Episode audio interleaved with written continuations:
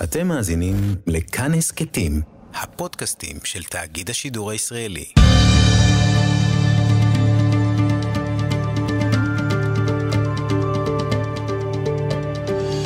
כיוון הרוח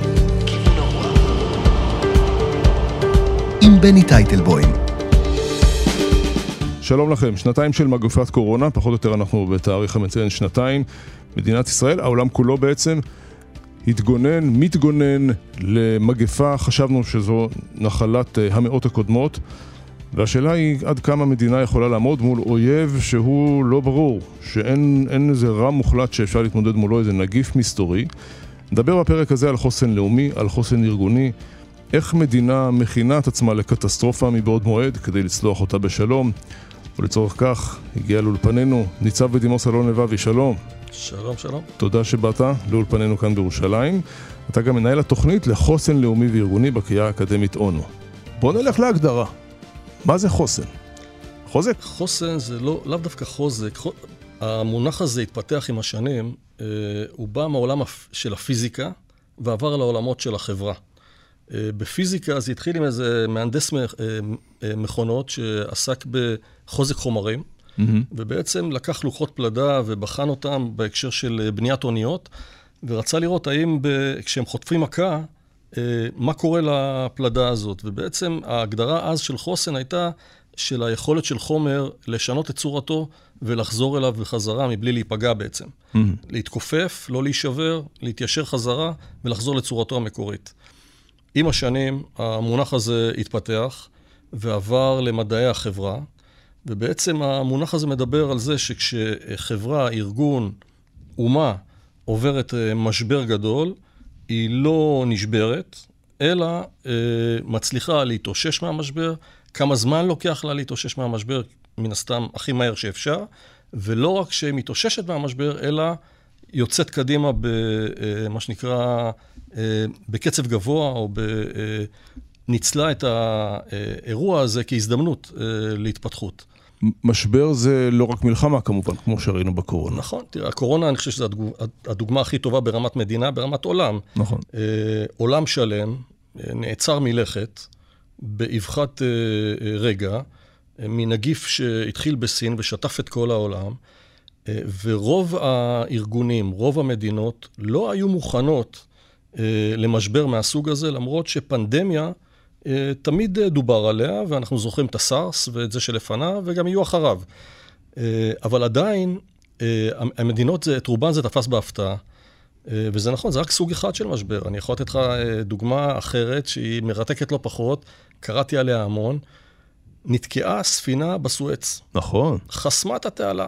עכשיו, עולם שלם עצר מלכת. כל הצד המערבי של הכדור, אה, כל שרשרת האספקה שלו אה, חדלה להתקיים.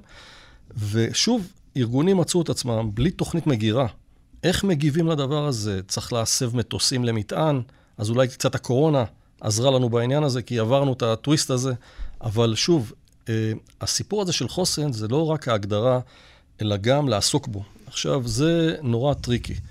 כי בעצם אתה מנהל ארגון, אתה מנהל מדינה, בארגונים זה יותר מסובך דרך אגב, אבל במדינה, מדינה כמו שלנו, רגילה למשברים, אז אנחנו יודעים לדבר על זה, זה בשיח. אבל ארגונים עסקיים וכלכליים בדרך כלל אה, עוסקים אה, בשוטף, ממהרים לשורת הרווח, וקשה להם להשקיע קשב וגם אה, משאבים במשהו שלא קרה. דמיין את הספינה הזאת, ארגונים נתקעו בלי שרשרת אספקה, אבל הם גם לא נערכו מעולם לדבר הזה. רוב הארגונים. אפשר להיערך לכל תרחיש? לא לכל תרחיש, אבל מספיק שאתה לוקח כמה תרחישים משמעותיים, אה, מתרגל אותם אולי, חושב עליהם, אה, אה, מארגן לעצמך פתרונות במידה ו, אז אני אעשה XYZ. מספיק שחשבת על זה ואולי השקעת בזה וכתבת לך איזה פרוטוקול, הסבירות היא שתצא מזה הרבה יותר טוב. אגב, קראתי מאמר מדהים, איזה ראיון עם מי שייסד את עליבאבא, עלי אקספרס. אתר האינטרנט שמוכר מוצרים בזול. מוצר, מוכר מוצרים בזול ועושה מיליארדים. לגבי איכותם, לא נאמר. נדבר בהסכת אחר. בדיוק. אבל אותו ג'ק מה, אני חושב שקוראים לו, הוא בעצם ספג את מגפת הסארס שהוא רק הקים את החברה הזאת. ונהג שם על פי פרוטוקולים שאנחנו רואים שבדיוק עובדים על פיהם היום.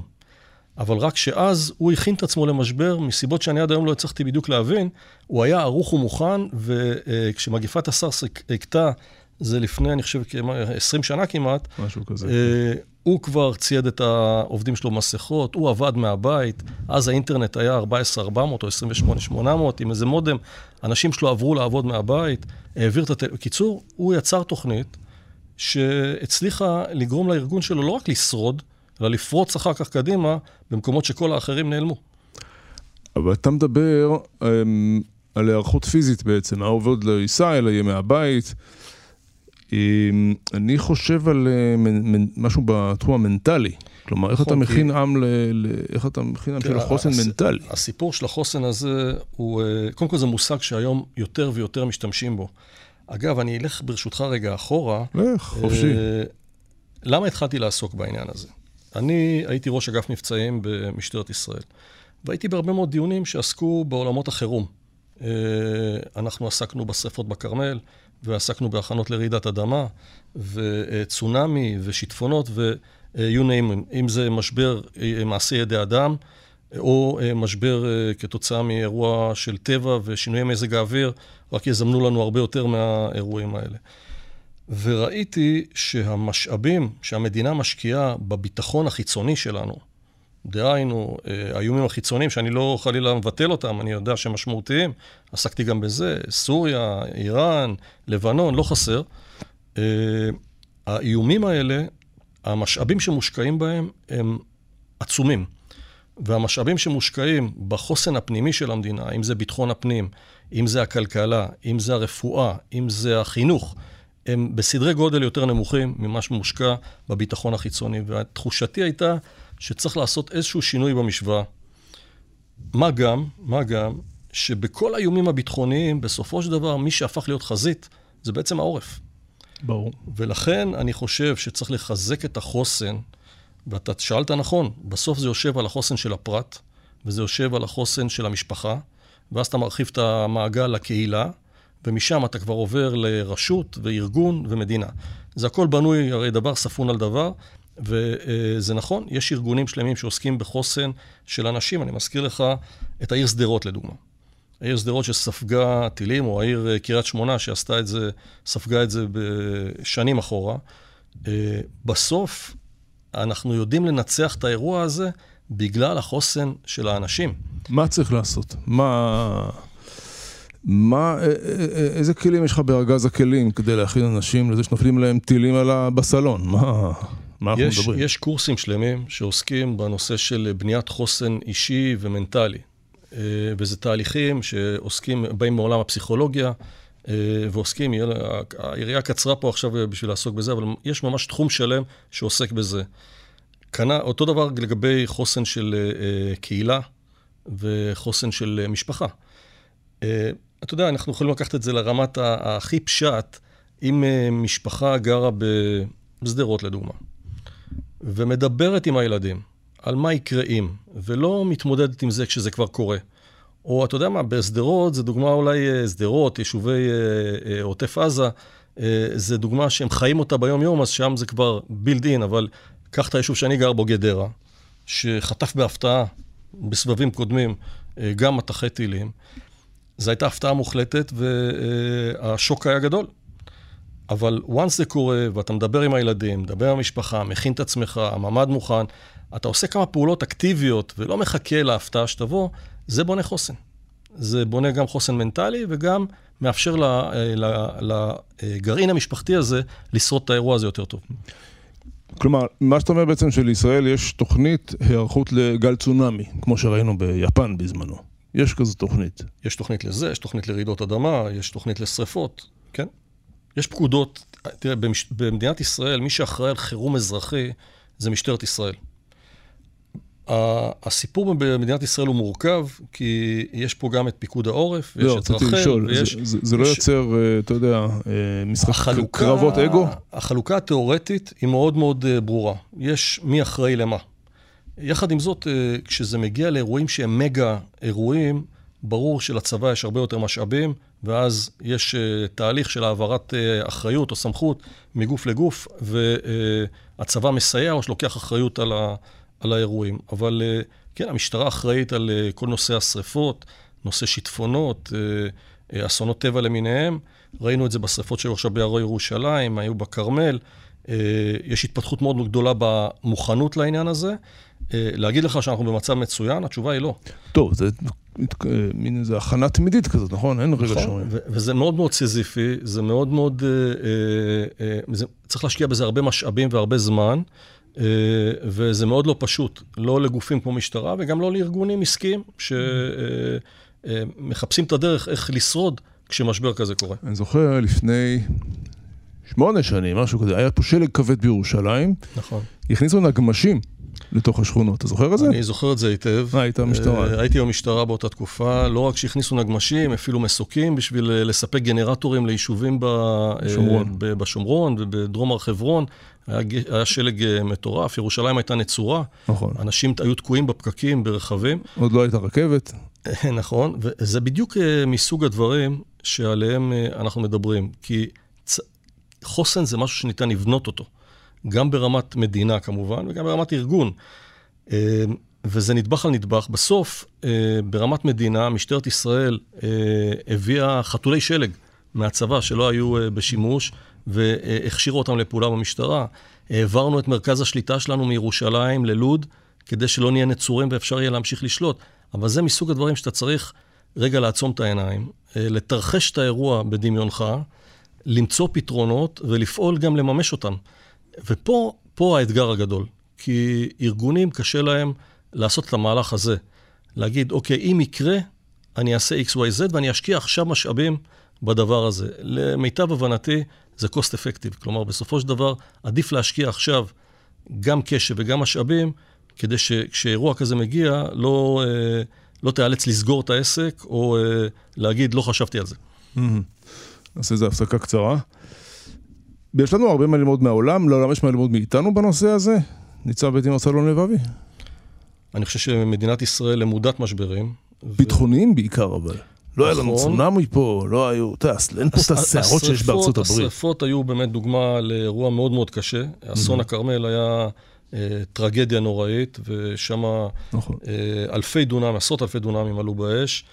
אה, יש לנו, הניסיון שלמדנו מהעולם הצבאי, אפשר וצריך ועושים את זה, ומעבירים אותו לעולם האזרחי. זה נכון, כי הסוגיה של שליטה, אה, ניהול של אירוע כל כך רב-ממדי ורב נתונים, ולנסות לתעדף, אה, זה בא מהעולמות הצבאיים, ואני חושב שהוא אה, קל מאוד להעביר אותו לעולמות אזרחיים, והשיטות האלה עובדות, השיטות האלה הן טובות מאוד. איך לומדים? איך מתכוננים? אתה יכול לפרוט את זה לפרוטות? אמ, אני אתן לך דוגמה מאירוע של שריפות, לדוגמה.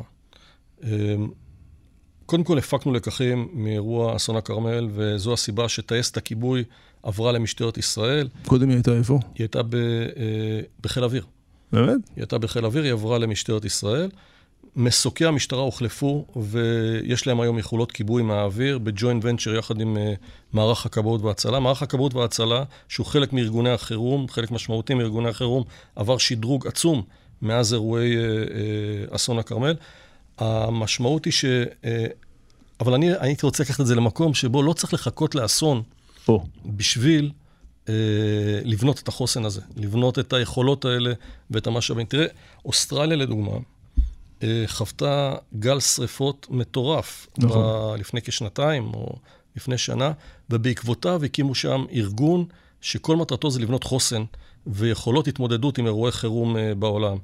הנשיא טראמפ כשהוא נכנס לכהונתו, יש פרק שלם אה, באג'נדה שלו שמדבר על החוסן של האוכלוסייה אל מול אה, אסונות.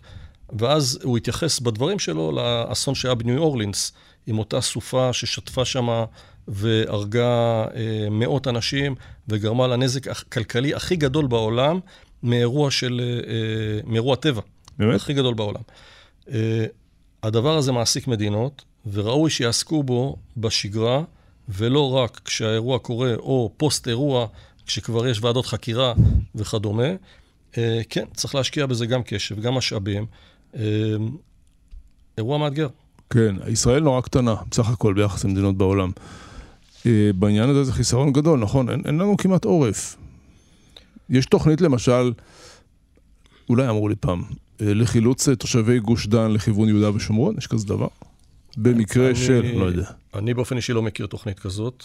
אה, אנחנו, יש תוכנית שנקראת, אה, עד כמה שאני זוכר, אה, תוכנית מלונית, נקראת שאם יש אזורים שמותקפים בצורה אה, משמעותית בטילים, כמו יישובי העוטף והדרום, אז יש להם לאן ללכת אה, במרכז הארץ, אבל מאחר והעורף הפך להיות חזית כבר מזמן, ובגדול, במתקפת הטילים הבאה, אני מניח שאין מקום אה, על פני אה, אה, מדינת ישראל שהוא לא מות- אה, יכול להיות מותקף בטילים. אנחנו צריכים אה, אה, למצוא את הפתרונות בתוך אה, דלת אמות- אמותינו, למצוא את הפתרון אה, אה, ליד הבית. אה, וזאת הסיבה שהגדירו משהו שנקרא הכי מוגן שיש, אם זה הממ"ד או אה, אה, החדר מדרגות וכדומה. אה, כן, לא, אני מנסה לחשוב, דיברת על פינוי, אני זוכר, אם אתה זוכר, מלחמת מפרץ הראשונה, ראש עיריית תל אביב, צ'יץ', כן. שלמה להט, ריקים. קרא להם עריקים, אנשים שעזבו את תל אביב. אני חושב שהתבגרנו מאז. כן, אתה, אתה, אתה חושב שזה נכון לפנות אנשים, למרות שזה כאילו ניצחון מורלי של האויב?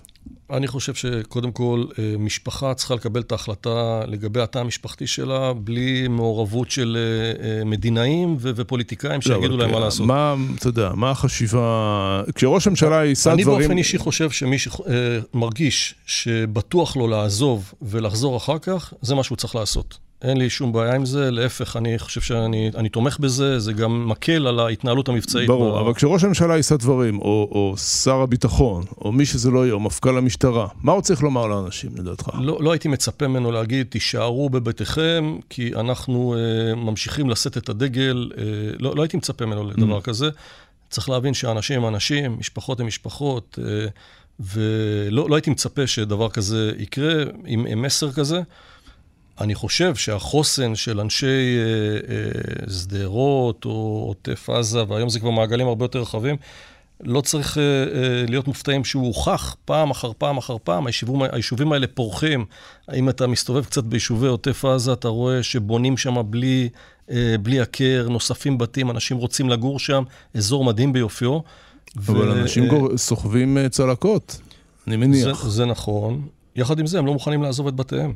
כלומר, היישובים האלה ממשיכים לפרוח ולגדול, ויש הרבה יותר ביקוש מהיצע אה, למגורים באזורים האלה, אה, ובצדק. אה, בסופו של דבר, אני חושב שזה מעיד על חוסן, גם אישי, גם קהילתי.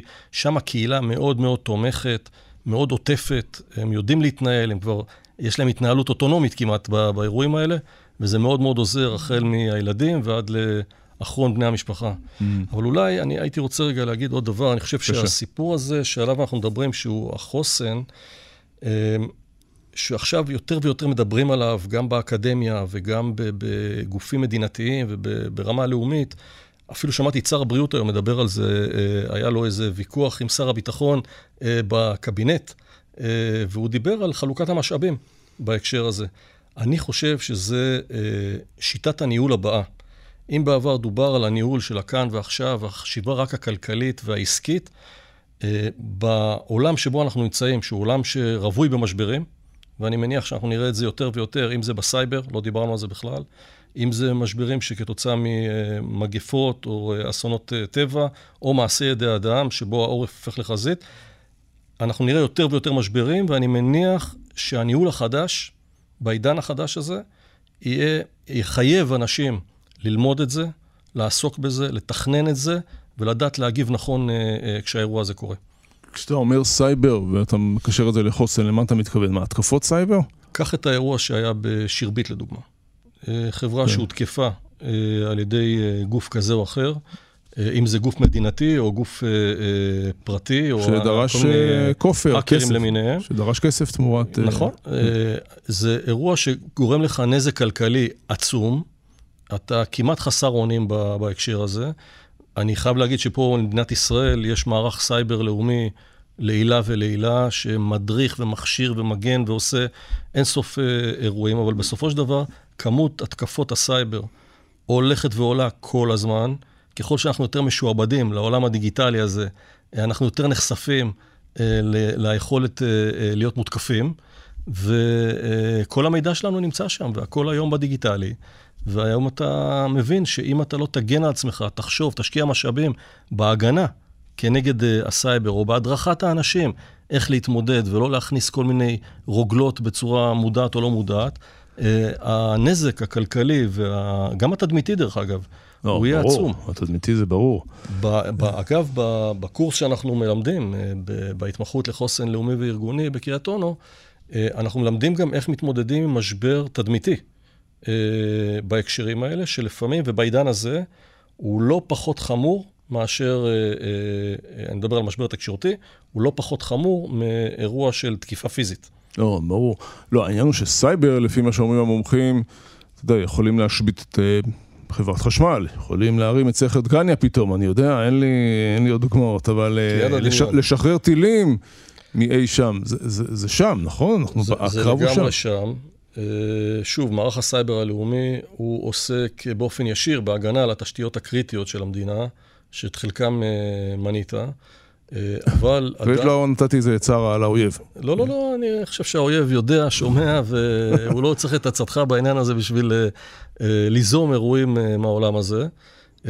אבל אני מדבר על אפילו ארגונים פרטיים. אני... כל חברה קטנה היום, אפילו אדם פרטי שמחזיק חברה שהוא בעצמו המנכ"ל והעוזר מנכ"ל, הוא נשען על, על עולם דיגיטלי. ברור. והנזקים פה יכולים להיות מרמת הפרט ועד רמת מדינה. זה יכול להיות על תשתיות קריטיות, זה יכול להיות על חברות גדולות. הנזקים הם uh, עצומים, ולכן uh, גם מושקעים בזה המון משאבים. וארגון חפץ חיים חייב לעסוק בזה, חייב ללמוד את זה, להבין את זה, אולי למנות מישהו בתוך הארגון שיעסוק בעולמות החוסן. כמו שהיום, uh, זה סוג של ניהול, משבר, ניהול uh, סיכונים. אם פעם קראו לזה ניהול סיכונים, היום אנחנו יכולים לקרוא לזה uh, בניית חוסן ארגוני. אתה צריך להבין מהם הסיכונים, מולם לבנות תוכנית, אבל לא רק לבנות תוכנית, אלא גם להטמיע אותה בתוך הארגון. אגב, לדירקטורים בחברות יש אחריות על העניין הזה, אחריות מלאה, אה, כדי אה, למנוע מהארגון להיכנס לתוך משבר. כן, לקחו אותך כעצה, אני חושב על אה, משבר קורונה. אתה יודע, עולה שוועת מדריכי הטיולים. חלק מהם אין לנו מה לאכול. אני חושב על חברה, חברות תעופה, הכל קרס פתאום. לפעמים אין מה לעשות, לא? סליחה שאני נשמע כל כך פסימי ואפוקליפטי. אני חושב שהרבה מאוד ארגונים... אבל למה תעופה? לקח להם זמן להתארגן אה, לתוך המשבר, ויש ארגונים שעדיין לא, אה, לא התאוששו, ואני בספק גם אם... אה, כי התחום שלהם, באמת, מה, אנשים... נכון, נכון. זה מאוד קשור להחלטות של מדינה, כדוגמת התיירות הנכנסת לישראל, שזו דוגמה, דוגמה מצוינת, היא, היא, היא עצובה מאוד. אה, ובסופו של דבר התוצאה היא נוראית. אה, אבל פה שוב, זה יש ניגול סיכונים, יש הרבה פרטים שאני לא מכיר, אז אני לא יודע לשפוט את זה. אבל אני יכול להגיד לך שאני, אה, מאחר והשתחררתי מהמשטרה לפני כשלוש שנים, משבר הקורונה תפס אותי, כמו שנאמר, בין עבודות. ולא הייתי, לא, לא הועסקתי ולא עשיתי משהו אחר, ומצאתי זמן להתנדב במשל"ט הקורונה יחד עם פרופסור גרוטו, וישבתי שם במשל"ט. וראיתי איך גרף הלמידה נבנה, וראיתי כמה חשוב התפיסת עולם שאני מביא אותה לעולמות החוסן, כמה היא חשובה וכמה היא קריטית, במיוחד בשלבים הראשונים. הרי ככל שתתפוס את האירוע הזה מהר יותר, ותהיה מוכן יותר בשלבים הראשונים, ככה זמן היציאה שלך אה, מהמשבר יהיה מהיר יותר וטוב יותר. אין ספק שמשבר הקורונה הוא קולוסלי, זה, זה אירוע עולמי, אנחנו לא היחידים שהתמודדנו עם המשבר המטורף הזה, אבל אה, שוב, אה, ככל שנהיה מוכנים יותר לסוג כזה של משברים בעתיד, נוכל לצאת מהם מהר יותר. טוב, תן לנו עוד כמה עצות מהקורס לפני שאנחנו נפרדים. אני חושב שהעצה הראשונה היא לבוא ללמוד. אוקיי, מה זה, זה תואר, זה תואר שני? מה זה? זה? זה נקרא התמחות בחוסן לאומי וארגוני במסגרת התואר השני במנהל עסקים בקריאה האקדמית אונו. אה, אני מוביל את הקורס הזה יחד עם שותפה בשם נורית דבוש. אה. אה, נורית הייתה... אה, כוכבת כמה פודקאסטים שלנו בערך. נכון, היא הייתה יושבת ראש הרשות השנייה לטלוויזיה ורדיו, אשת תקשורת מהמדרגה הראשונה, והיא עוסקת באמת בעולם הזה של משברים תקשורתיים ותדמיתיים.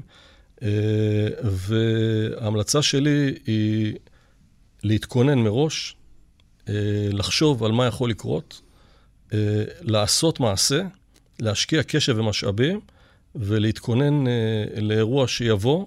כי גם במשטרה למדתי איזשהו משפט שאומר, זה לא אם, אלא מתי.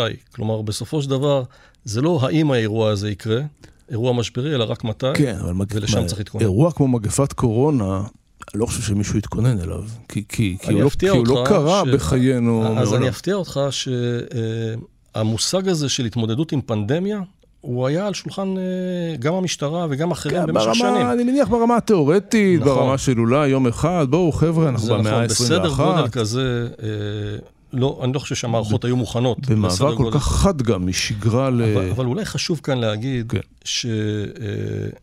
שמשבר מהסוג הזה הוא מאתגר את כל המערכות. החוסן לא נבנה רק על יכולתה של המשטרה, רק על יכולתו של הצבא. ברור, ברור. זה מערכת החינוך, והבריאות, והתקשורת, ו-you name it. בסופו של דבר, כל המכלול הזה צריך לעבוד כאורגן אחד שלם. ואגב, יש מדדים למדינה בנושא של חוסן, שהם נקבעו ונמדדים על ידי הלשכה המרכזית לסטטיסטיקה. האם אנחנו במצב הכי טוב בעולם? התשובה היא לא. האם יש מה לעשות? בהחלט כן. לא, אתה יודע, כי מה שקרה בפנדמיה הזו, כלאו את כולם בבתים, בכל העולם, ואז מי שיש לו דירה קטנה של 80 מטר, בעיקר ציבור חרדי, ועם שבעה ילדים, אז הוא, ב... הוא בכלא כמעט, סליחה על המילה. ומי שיש לו בית צמוד קרקע עם גינה נחמדה, ואולי טרמפולינה ובריכה, ויש פינה לכל ילד שהוא יכול לשם ללמוד לימוד מקוון, אז המשפחה הזו ממשיכה כמעט כרגיל. כלומר, העניין הסוציו-אקונומי ככה מאוד מאוד יצר את השונות בין האנשים. זה נכון. המשבר הזה הוא היה כזה שהפתרונות ניתנו תוך כדי תנועה. נכון. ובאירוע כל כך רחב, אתה לא יכול לייצר חליפה פר אדם. לא, ברור. ולכן ניתנו הנחיות גורפות, שאני מניח שיש כאלה שסבלו מהם הרבה יותר, ויש כאלה שזה אולי... יש כאלה אפילו נהנו מהם. היה קצת פחות. אבל כן, זה, זה אירוע שסחף עולם שלם. היה פה למידה תוך כדי תנועה. אגב, מדינת ישראל, אני חושב שסך הכל, עם כל הביקורת שיש ועם כל העליות mm-hmm. ומורדות, בסך הכל אנחנו, גם הכלכלה יוצאת מזה במצב לא רע בכלל. ברמת המקרו, בית... ברמת המקרו. נכון, נכון, אני מדבר רק ברמת המקרו, אני בטוח שיש פה אנשים ש... יש, יש. פת לחם, זה קטסטרופה. בחוכמת הבדיעבד, שהיא כידוע חוכמה קטנה מאוד, ונאמר את זה... הכי קלה. הכי קלה, היה אפשר משהו אחר לעשות ולהזיק פחות, או, או להכאיב פחות, אתה חושב? תראה, אני, אני חושב שאנחנו כמדינה צריכים ללמוד לתחקר הרבה יותר טוב. אני בא מחיל אוויר, הייתי טייס מסוקי קרב במשך שבע שנים בסדיר, ועוד שנים רבות במילואים, ואני טס עד היום. והסיפור הזה של תחקיר ברמת, ברמה לאומית, ברמה של ארגונים, התרבות הזאת לא חלחלה עד הסוף. כי הפוליטיקאים לא רוצים שימצאו טעויות שלהם. והדבר הזה בא לידי ביטוי בסוף כשיש ועדת חקירה. ואני חושב שכדי שלא נגיע לוועדות חקירה, צריך ללמוד לתחקר, להגיד את הדברים כהווייתם, ורק ככה אפשר ללמוד. אין דרך אחרת להתקדם אם אתה לא מציף את הבעיות כל הזמן, מציף את הטעויות, מציף את התקלות, לא מאשים כל היום, אלא אה, אומר, זאת התקלה, כך צריך לטפל בה. ומתקדם הלאה. אין אפשרות להתקדם אחרת, זו תרבות שצריך uh, מאוד מאוד לשכלל אותה בארגונים בכלל ובמדינה. אולי אנחנו אשמים התקשורת, שאנחנו מעלים... התקשורת מש... תמיד אשמה. לא, זה ברור. לא, אנחנו מעלים מישהו לשידור ואנחנו מחפשים את האשם. גם המשפטיזציה פה תרמה. כלומר, המשפטן חושב מי לא אשם, מי זכאי. אני לא יכול שלא להסכים איתך. אני לא יכול שלא להסכים איתך. מציאת אשמים היא הפכה להיות כמעט ספורט לאומי במדינת ישראל. כלומר, גם לא מבחינים בין אשם לאחראי. אתה יכול להיות אחראי, אתה לא אשם. מה, אין את ההבחנה הזו, אמרת. אולי, תר, אולי הטרמינולוגיה גם חשובה. אפרופו הכנה לחוסן. בעולם, בעולם התחקירים לא מחפשים אשמים. זה ממש מחוץ לטרמינולוגיה. אגב, אם אתה עושה מעשה פלילי, זה כבר לא תחקיר, זה חקירה. לא, ברור. ושם אתה צריך להישפט ולתת את הדין. עולם התחקירים בא בשביל להגיד מה היה, למה, למצוא את סיבת השורש למה הוא קרה, ואיך משפרים. אין פה אה, אה, אה, למצוא את האשם ולתלות את הש"ג הראשון שאתה מוצא בדרך. Mm. אם אנחנו נמשיך עם התרבות הזאת של רק לחפש את האשמים, אנחנו לא נצליח להשתפר. אני מזכיר שהממשלה החדשה, היא כבר לא כך חדשה, בשבעה חודשים כבר מינתה שתי ועדות חקירה ממלכתיות. אחת לאסון מירון, והשנייה לעניין הצוללות, אתה לא חייב להגיב, אני רק אומר, אפרופו אה, שימוש בכלים משפטיים להתנצחות פוליטית. אתה לא חייב לענות. אני מבין שאני לא חייב לענות, אבל אני, קודם כל אני לא חושב שכלי של ועדת חקירה הוא פסול. לא, לא פסול. יש, יש אירועים בסדר גודל ובהיקפים. אסון מירון זה ברור שזה האסון האזרחי כן, הגדול ביותר, ו- וברור ש... אירוע נורא שבאמת צריך לבדוק את השורשים שלו, ואני, אם תרצה פעם בשיחה אחרת, אני את האירוע של המירון מכיר אה, לעומק, מהיותי ראש אגף המבצעים, אה, עסקתי בו לא מעט, מה? אה, בעברי. אז מה קרה שם להערכתך? יש פה אה, שנים של אה, אה, הזנחה ושל של הרבה מאוד אה, רשויות, אה, ובסופו של דבר אתה תופתע, האמת שאתה לא תופתע אחרי שאתה מראיין אותי כבר אה, שעתיים, אה, להבין, שעה, אה, שאני חושב שבסופו של דבר המשטרה, היא הייתה המבוגר האחראי באזור. שעסק אה, בעניין הזה גם בתחומים שהוא לא חייב לעסוק בהם. כי בסוף הכל נופל לפתחה של המשטרה, איך שאתה לא הופך את היה, זה. מי אחראי שם, אתה יודע? זה נורא מורכב, זה נורא מורכב. אין, אין, אין לי תשובה חד משמעית בעניין הזה, אבל. צריך להגיד ביושר, בסוף המשטרה אחראית לשלום הציבור וביטחונו. Mm. והאחריות השיורית הזאת תמיד נופלת לפתחה, ולכן יש פה ועדת חקירה, ואנשים אה, אה, מעידים, הוועדה לא סיימה את עבודתה, נחכה לשמוע מה יהיה בסוף, ואני רק יכול לקוות שהאירוע מירון מתקרב, הוא ממש אה, קרוב, אה, שיפיקו לקחים מיידיים כדי ש... אה, אה, האירוע הקרוב ייגמר בשלום ועם חוויה טובה למשתתפים. ואני יכול רק אה, באמת להצטער על כל האנשים שנהרגו שם אה. ברור. ניצב בדימוס אלון לבבי, תודה רבה שבאת לאולפנינו. תודה לכם.